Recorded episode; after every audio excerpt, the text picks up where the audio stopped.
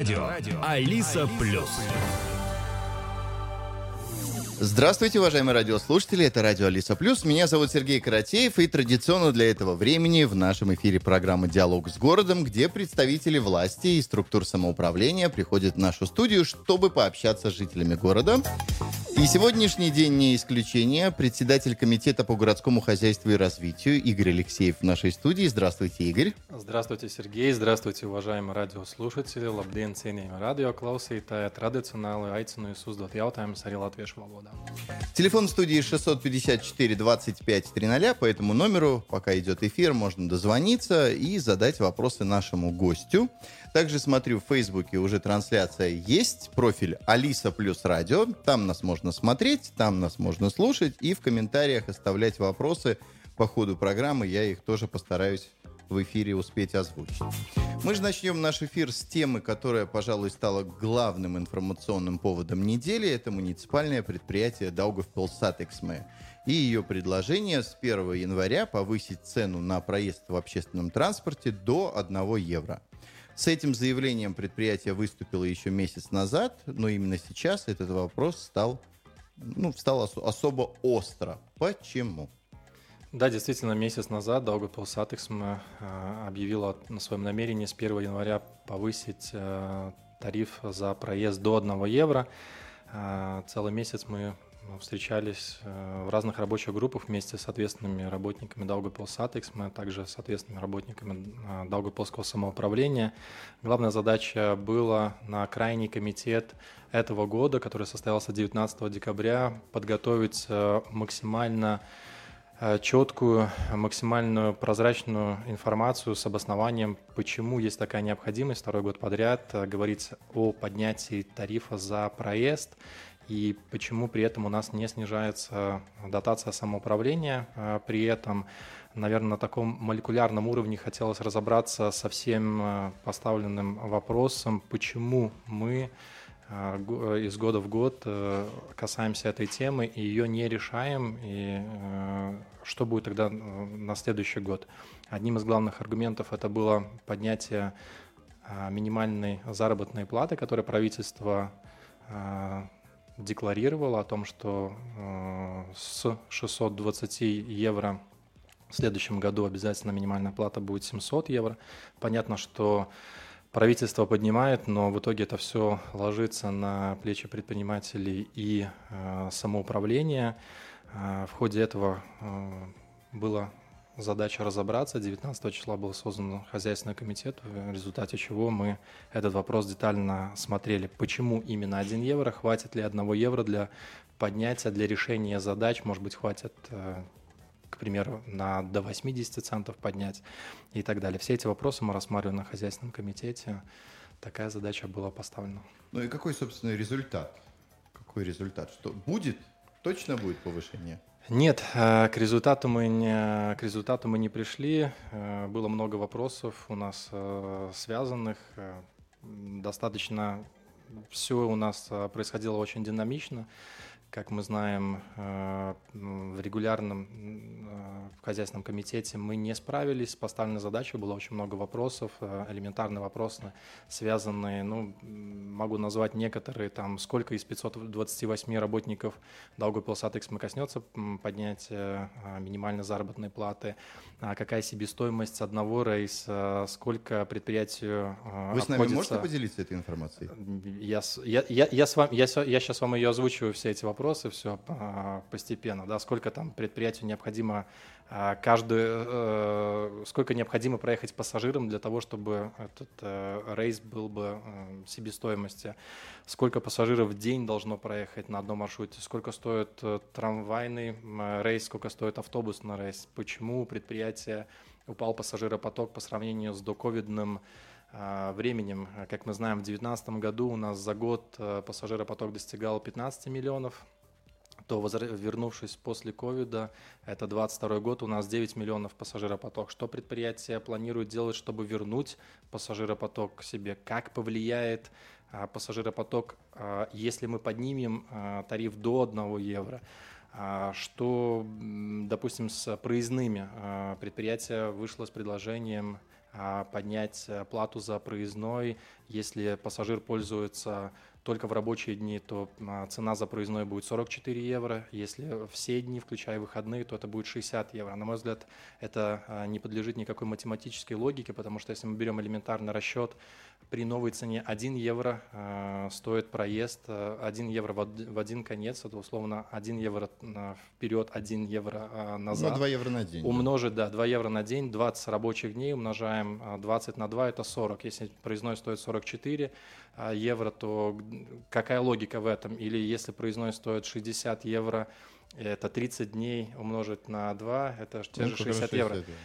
Нету а, выгоды для а, горожанина покупать а, евро, э, покупать месячные билеты, также нету выгоды для предприятия, которое гарантированно могли бы получить уже а, гарантированный в свой бюджет а, плату за проездной. Также, наверное, самый главный вопрос, который на который я не мог никак получить ответ, это как мы можем говорить о поднятии цены с 1 э, января, о поднятии, о, о каком-то размере дотации, когда рабочая группа самоуправления, бюджетная рабочая группа самоуправления свою работу не закончила. То есть мы не знаем, с какими остатками мы войдем э, в новый, э, в новый год на следующий бюджет. Мы не понимаем, сколько мы можем позволить дотации Daugavpils Satix мы на следующий год, потому что работа еще до сих пор происходит. А, также хочу еще раз подчеркнуть тот факт, что для самоуправления не только Daugavpils Satexом, который коснется поднятия минимальной заработной платы, э, есть э, много структур э, самоуправления, бюджетников, у которых это также коснется. И самоуправление, распределяя бюджет, не может сегодня точно сказать, насколько мы можем позволить себе датировать Daugavpils Atexм в том числе, может быть, э, эти цифры будут достаточно для того, чтобы мы вообще бы не поднимали бы тарифы, либо поднимали бы его не до 1 евро. И эти все вопросы в рамках очередного э, комитета не были получены. И я сделал паузу, э, в тот же день назначив неочередной комитет в 3 часа. Было 4 часа руководства Daugavpils Atexм для того, чтобы получить ответы на а, только часть вот этих вопросов, которых я назвал. А, спасибо большое, действительно пришли подготовленные, а, мы получили ответы. Много было другой дискуссии, но, к сожалению, ответы повлекли за собой следующие вопросы, на которые также не было найдено вопросов, допустим, уже такой дол, вопрос долгий по временному фактору, когда будет введена электронная система учета пассажиропотока, потому что у нас все Э, крутится вокруг э, этого. Если у нас нет э, системы пассажиропотока, как мы можем четко посчитать? Плюс ко всему, Daugavpils Atexm реализует много проектов. Мы сегодня строим новые ветки, мы оптимизируем э, трамвайные автобусные линии. Соответственно, теперь, допустим, даже та же новая трамвайная линия, если раньше с химии пассажиру надо было попасть в крепость, и он это мог сделать с химии а, с пересадкой, соответственно, он делал э, два рейса, это было как э, а, два рейса только в один конец, то сейчас пассажиры могут э, химия, э, крепость, стропы э, смогут э, ездить именно как одним рейсом, поэтому учет пассажиров, будет ли дублироваться или нет, и много других вопросов, которые у нас остались неотвечены, и в рамках, наверное, полученной информации я не мог позволить этому вопросу выйти из моего комитета, даже двигаться его на финансовый комитет, поэтому приняли решение о том, что мы будем э, рассматривать этот вопрос в следующем году в рамках именно бюджета самоуправления и спокойно будем двигаться для того, чтобы найти решение. Потому что каждый год мы датируем предприятия. Если мы второй год подряд говорим о увеличении тарифа, значит, что-то мы делаем не так, значит, где-то есть то самое, э, та, та самая дыра, которая нам не позволяет э, правильно рассчитать э, себестоимость именно этого предприятия, чтобы каждый год не говорить о повышении тарифа.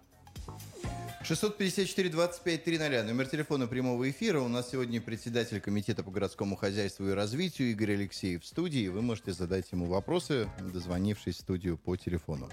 Э, Вадим в Фейсбуке интересуется. Доброе утро. Скажите, можно ли как-то э, обновить электронные устройства у кондукторов, чтобы можно было расплачиваться банковской картой?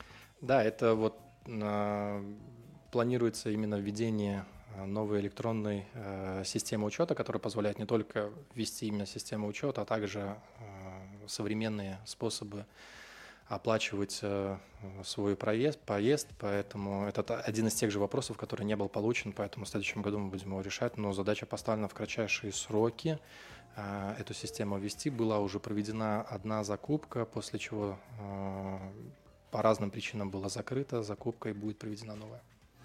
654-2530, номер телефона в студии. Продолжим наш разговор с темой создания индустриального парка «Алтоп». В начале... Знаете, Сергей, я еще, может да. быть, хотел закончить про Daugavpils satiksme, если можно. Пожалуйста. На, на самом деле, очень часто мы разговариваем о вообще satiksme и касаемо только, наверное, там, а, сколько у нас стоит проезд и э, как мне добраться с пункта А с пункта Б, хотел сказать, что, в принципе, э, здесь э, во внимание надо брать ту информацию о том, что у нас зачастую Daugavpils satiksme – это обязательная обязательно муниципальная функция доставить гражданина с пункта А в пункт Б. И мы сегодня реализуем столько проектов именно масштабных проектов за весь год. Daugavpils satiksme вообще работает на таком предельном режиме. Весь этот год мы закупили новые автобусы, мы закупили новые трамваи.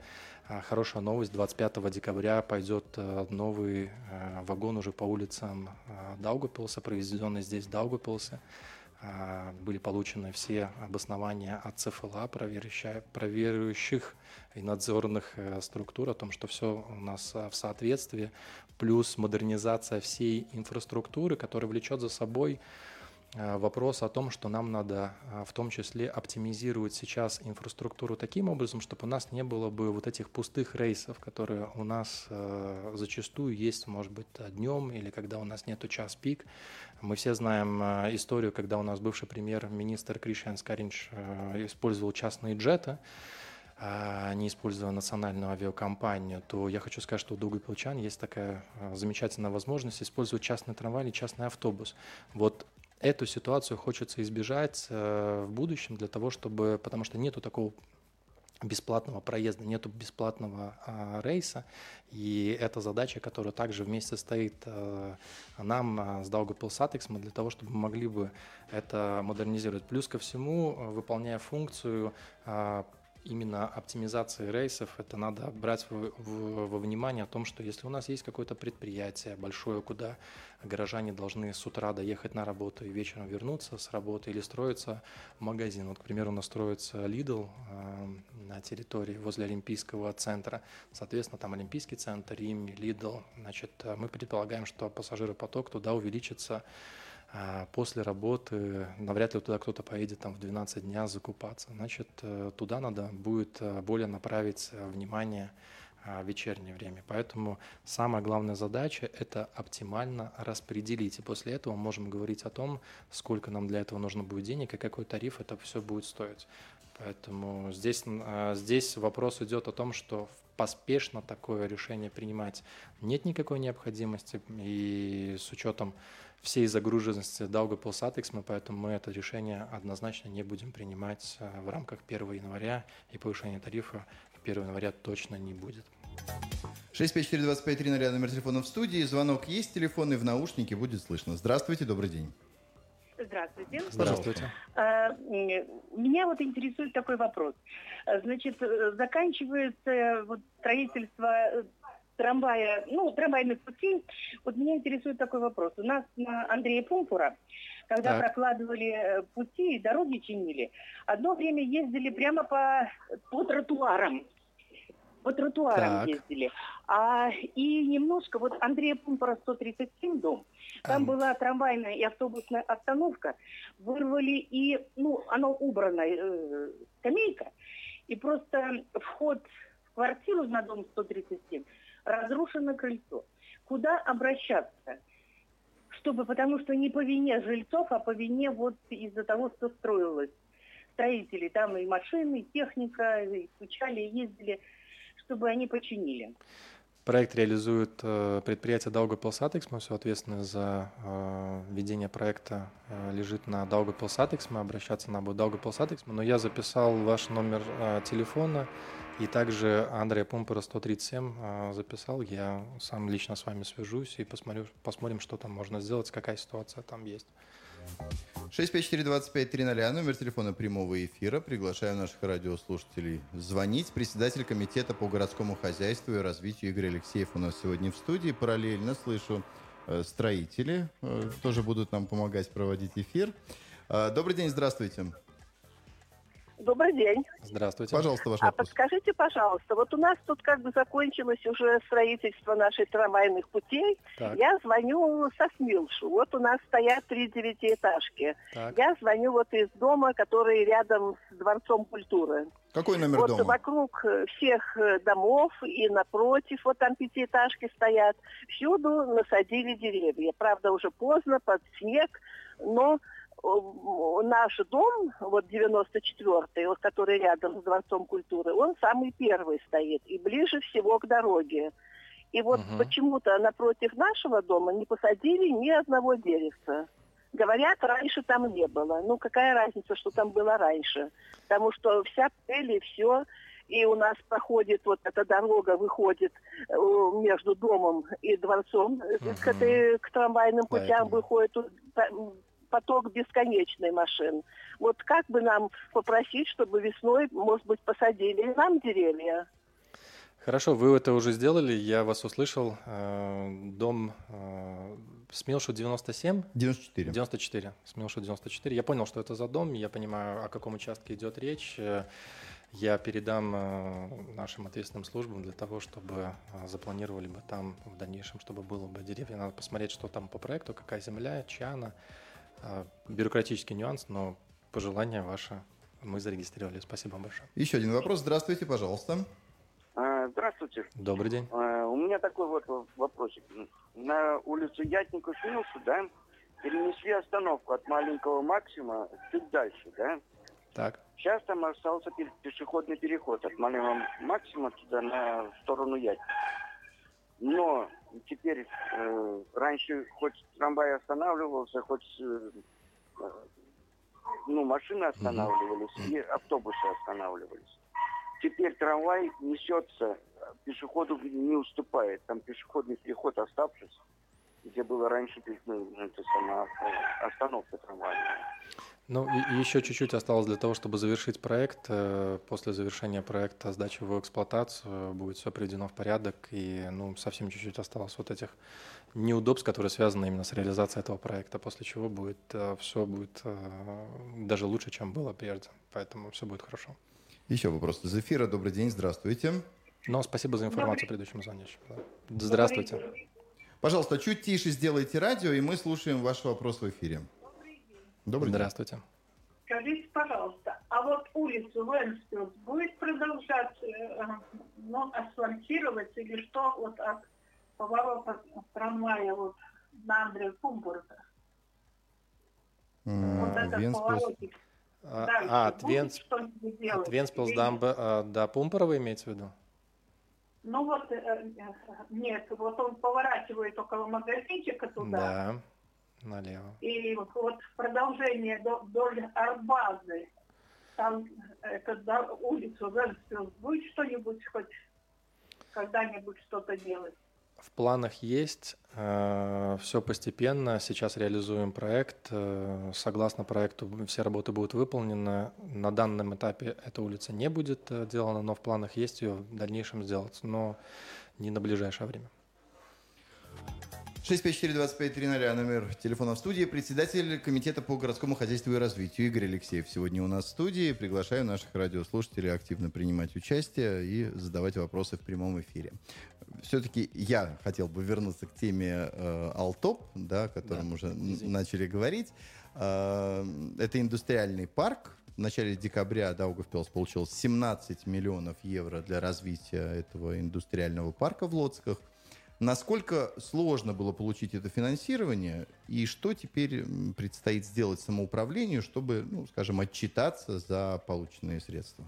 Да, действительно, этот год заканчиваем хорошими новостями. Как я уже говорил ранее, э, так- также, будучи у вас в гостях на эфирах, самая главная задача наша, которая поставлена, в том числе и я, который перед собой поставил, это максимально получить финансирование вне нашего бюджета для того, чтобы мы могли бы использовать финансирование европейских фондов, правительства, министерства и так далее, чтобы мы могли бы развивать наш город не за свои деньги, грубо говоря. И очередная такая история успеха.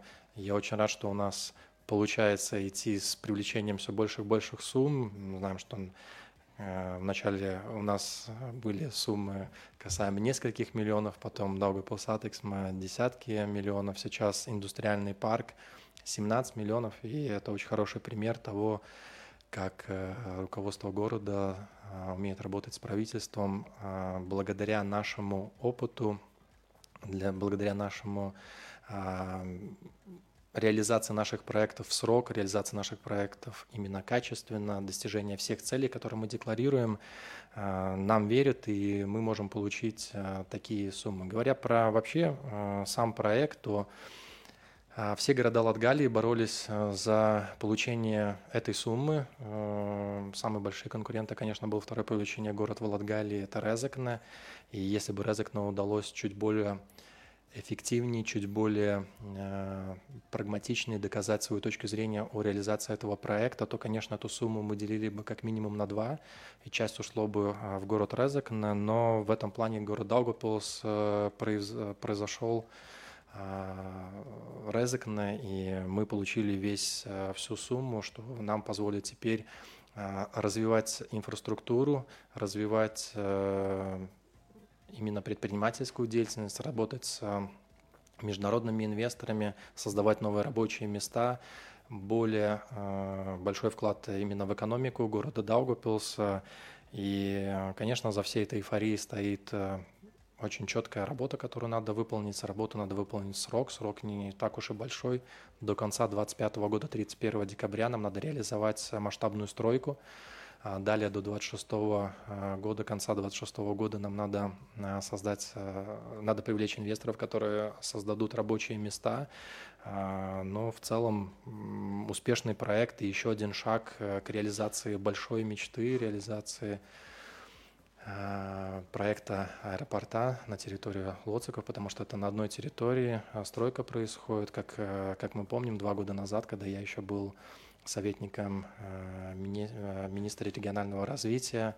Нам удалось привлечь 1 миллион евро для проектировки, для проектирования э, проекта аэропорта. И это очень важный фактор, когда мы строим индустриальный парк, разговариваем с иностранными инвесторами. Они, как правило, всегда спрашивают, что будет с этой территорией, если это территория для развития в дальнейшем, что планируется рядом построить, какая инфраструктура, есть ли там а, дорога для грузовых перевозок, что с а, проектом аэропорта. Как мы знаем, там один километр до железной дороги, и мы провели переговоры с Латвийской железной дороги, что в случае необходимости мы можем говорить о том, что протянуть один километр железную дорогу, если это будет необходимо для какого-то инвестора иностранного. И поэтому, да, до выборов э, еще далеко, до 2025 года, но в очередной раз мы говорим в том числе про развитие этой территории, территории Лоциках, развитие ее масштабно. И все это у нас происходит не за деньги самоуправления. Многих долгополчан интересует, почему для этих целей была выбрана именно территория в Лоциках, ведь это другое самоуправление. Неужели ну, как-то нельзя было это организовать в рамках Долгопилской территории? Э, немножко э, мы под неправильно, неправильное заблуждение. Территория принадлежит э, городу Даугапилса. Вся территория бывшего аэропорта, она выкуплена уже э, достаточно время назад. Она при, принадлежит э, самоуправлению города Даугапилс. Вокруг территория, да, прилегающая, это э, территория края. Этот проект э, выбран по нескольким а, причинам. Но первая причина, ну, как я уже назвал, да. это территориально. Такого большого а, куска земли для развития на территории города Даугавпилса нету. Там многие спрашивали, почему не территория бывшего ЗХВ, это земля индустриальная зона. Там очень много что принадлежит уже частным компаниям, и просто невозможно построить такой огромный э, индустриальный парк. Это первое. Второе, как я и сказал, близость а, инфраструктуры, это дорожное, дорожное сообщение идет трасса и объезд вокруг э, грузового, грузопотока. Представляете, если бы у нас в микрорайоне химии началась большая э, грузоперевозки, туда начали бы кататься фуры, и мы бы из э, такого лесного массива через стропы у нас бы катались бы очень много фур. Наверное, не было бы очень это э, комфортно для горожан и вообще для развития города в целом. Плюс э, потенциально железная дорога, плюс потенциальная э, возможность расширения индустриального парка, потому что очень большая территория которая принадлежит самоуправлению, ну и плюс большая инфраструктура вблизи может быть построена. Это если удастся получить деньги на строительство аэропорта. Все это складывая в одно, а, мы приняли решение развивать это на территории бывшего аэропорта в Лоциках. Также этот проект мы развиваем вместе с э, самоуправлением Аушдаугавы. Их задача построить прилегающую дорогу от э, трассы э, Рига, ой, Даугавпилс Резекне, э, трассы до э, самого парка, плюс все подземные коммуникации, это ляжет на их, про, их э, плечи. Но основная масса это на наши, на наши плечи. И, конечно, Вопрос актуальный, в какое самоуправление пойдут налоги, пойдут налоги городу Даугавпилс. 654-25-00, номер телефона в студии. Следующий телефонный звонок будет. Добрый день, здравствуйте. Здравствуйте. Здравствуйте. Я хотела именно в прямом эфире сказать большое спасибо Игорю Алексееву за то, что он держит слово. Обещал, выполнил. Какое, Еще например? раз большое вам спасибо. Спасибо. Ага, так. Жаль, жаль, не услышали, Да. что я наобещал. За Выполнил, какое но именно очень, дело? Очень, очень приятно. 6, Спасибо большое. 654-25-00, номер телефона в студии. Приглашаю наших радиослушателей дозваниваться. Еще один телефонный звонок, пожалуйста. Здравствуйте. Хотелось бы узнать, вот почему э, поезд, который будет ходить Рига, Вильнюс, да, будет ходить в обход Даугавпилса. Почему нельзя сделать остановку, если это второй крупный город в Латвии, да, или просто наш город недостаточно добивается этого, да? Ну, проект реализует Министерство сообщений, у них есть своя калькуляция математика. Конечно, я бы хотел бы, чтобы у нас все шло бы. Э, Человек, который больше всех говорит о том, что нам надо аэропорт, большая инфраструктура, как вы только что слышали в предыдущем моем ответе, я один из э, сторонников того, что второй по величине город достоин всей большой инфраструктуры. Также касаемо и трассы А6, которая у нас Рига Даугавпилск, двухполоску, которую я все-таки надеюсь, что в 2025 году у нас начнут ремонт. И также касаемо поезда. Но этот проект реализует Министерство сообщения, слишком часто меняются министры. Не успеваешь по всем вопросам договариваться хотя бы так. 654-25-00, номер телефона в студии. Есть в нашем с вами распоряжении еще буквально несколько минут, и вы можете задать вопросы председателю комитета по городскому хозяйству и развитию Игорю Алексееву. Давайте поговорим о досуге. Есть информация, что ну, такая громкая достаточно информация, что в городе все-таки появится кинотеатр. Так ли это? Да, ну, Сергей, это такая моя зубная боль уже стала по поводу поэтому кино- и кинотеатра. вопрос, мне, да. мне кажется, редкий эфир проходит без э, вопроса о кинотеатре. Я в свое время взял на себя э, ответственность коммуницировать вместе с частным предпринимателем по поводу кинотеатра. И, к сожалению, некоторые, некоторые горожане решили, что это мой, мой личный вопрос или вопрос самоуправления. А кинотеатр, который находится в торговом доме Дито Намс, принадлежит частной компании. Э, По разным причинам, COVID, э, война, мы видим, что не, не, не двигается этот процесс так быстро, хотя я знаю, что предприниматель не отбросил идею там э, построить кинотеатр, но, естественно, во втором повещении города это абсолютно ну, абсолютно не, не, неуместно, что нет кинозала, и самоуправление, города Даугавпилса приняло решение сделать кинозал. Я осознанно использую термин кинозал, не кинотеатр. Во Дворце культуры э, люди а, моего а, возраста и старше еще, я думаю, помнят, когда во Дворце культуры был а, кинозал. Я сам, будучи а, мальчишкой, посещал этот кинозал с таким достаточно ностальгическим а, воспоминаниями. а, Помню, как это, как это было. А, На сегодняшний момент мы приняли решение открыть кинозал а, во Дворце культуры в малом зале. А, Уже была проведена закупка на а, покупку кресел и покрытия для зала. 19 декабря даже был заключен уже договор, поэтому цель наша в, кон- в начале первого, в первом квартале, в начале года 2024 года открыть кинозал, и поскольку это будет принадлежать самоуправлению, то наша цель – это сделать не только как э, досуг э, в развлекательной форме, а сделать именно э, с интеграцией образовательного процесса для того, чтобы наши школы, дети могли бы именно интегрировать процесс образования, и этот кинозал не служил бы только для просмотра развлекательного контента, но и также это был бы образовательный процесс. Поэтому этим, этим путем мы идем.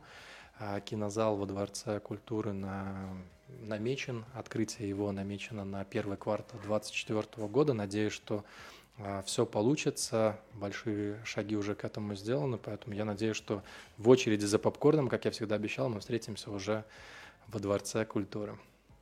Еще один вопрос из эфира. День добрый, здравствуйте, пожалуйста. Добрый день. Здравствуйте. Меня зовут Петр. Я хотел спросить, а вот вы не пробовали этот зал э, сделать как в 4D или в 3D формате. Потому что он маленький, людей много не помещается. Как раз такое как новое видение было бы очень интересно, чем просто традиционное.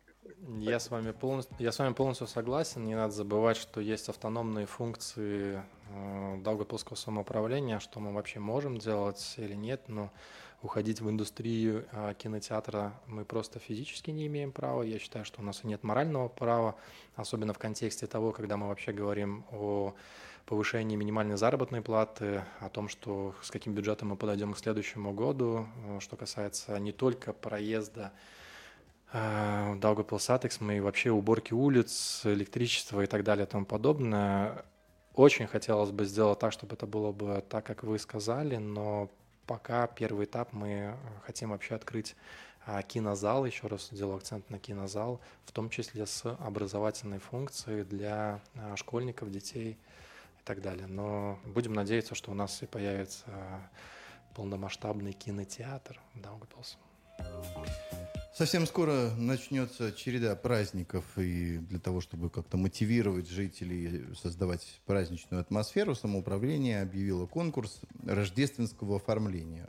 Какая у этого конкурса цель, и как в этом конкурсе принять участие, и сколько людей уже э, подали свои заявки?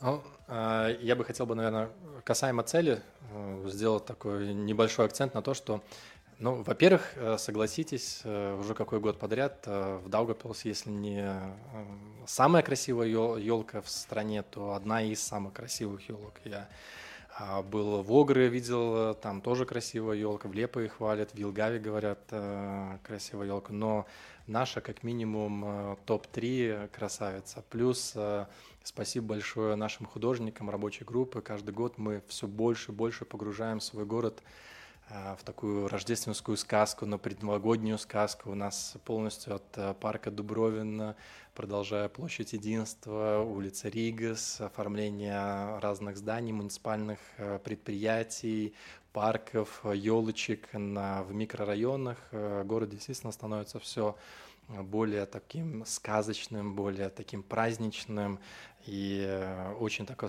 по-современному украшен. Поэтому огромное спасибо всем работникам самоуправления. Но возвращаясь к вопросу, э, хочу акцентировать внимание, что э, для того, чтобы город был бы красиво украшен, это не только задача самоуправления, это не только их, и это задача, наверное, каждого горожанина, и мы этим конкурсом каждый год призываем э, горожан, частных дома, предприятия э, оформлять э, свои дома и проводим такой конкурс, который, мне кажется, создает праздничное настроение по всему городу, потому что не хотелось бы, чтобы это только было бы в концентрации там центра или крупных микрорайонов. И конкурс происходит э, по четырем категориям. Это оформление учебных заведений, это оформление предприятий сферы обслуживания, торговли и финансов, оформление, оформление э, промышленных предприятий, это фабрики, заводы, офисные здания и оформление частных жилых домов.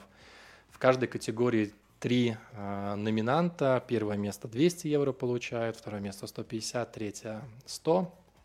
А, поэтому заявки можно подать до 29 декабря 4 а, часов. Заявки можно подать или в Долгопилскую думу на, по адресу Кришана Валдемара 1 или в Стройоправу на Райне 28. Также на электронную почту можно отправить. Я, наверное, ее не буду называть, потому что она доступна. Можно написать или мне на Facebook, или посредством, может быть, вас можно будет э, передать. Прикладывайте свои фотографии, подавайте э, заявки на конкурс до 19 января.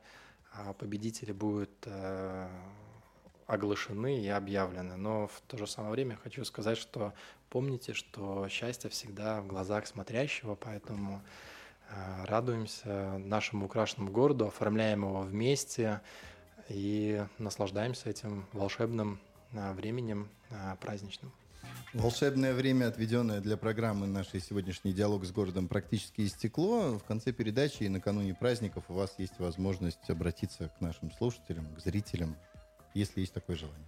А, есть желание, дорогие друзья, на самом деле, ну, Продолжая тему, наверное, волшебства, я всегда а, сторонник того, что в такие праздники происходит а, большое количество энергии, большое количество волшебства, но в принципе оно происходит с нами каждый день. И а, те, кто гонится за счастьем, в погоне за него забывают о том, что счастье находится рядом с нами, а счастье у нас в простых делах, в простых мелочах, в простых буднях. И я каждому желаю в это праздничные дни обратить внимание на то, что насколько хорошо, а, когда мы все можем собраться вместе за, праздни... за праздничным столом, наряжать вместе елку, радоваться елочным украшениям, а, лампочкам, за праздничным столом, почтить старших, показать пример нашим младшим – создать новые семейные традиции и просто наполнить наши сердца любовью и волшебством. Верьте, волшебство, оно происходит, и мы все являемся творцом своего счастья. Поэтому с праздником всем, всем любви, здоровья, счастливого праздника и с наступающим Новым годом. Гостем нашей предпоследней в этом году программы был председатель комитета по городскому хозяйству и развитию Игорь Алексеев. Программу «Диалог с городом» на волнах радио «Алиса Плюс» провел я, Сергей Каратеев. Спасибо, услышимся. До свидания. Диалог, с городом на радио, радио. Алиса, Алиса Плюс.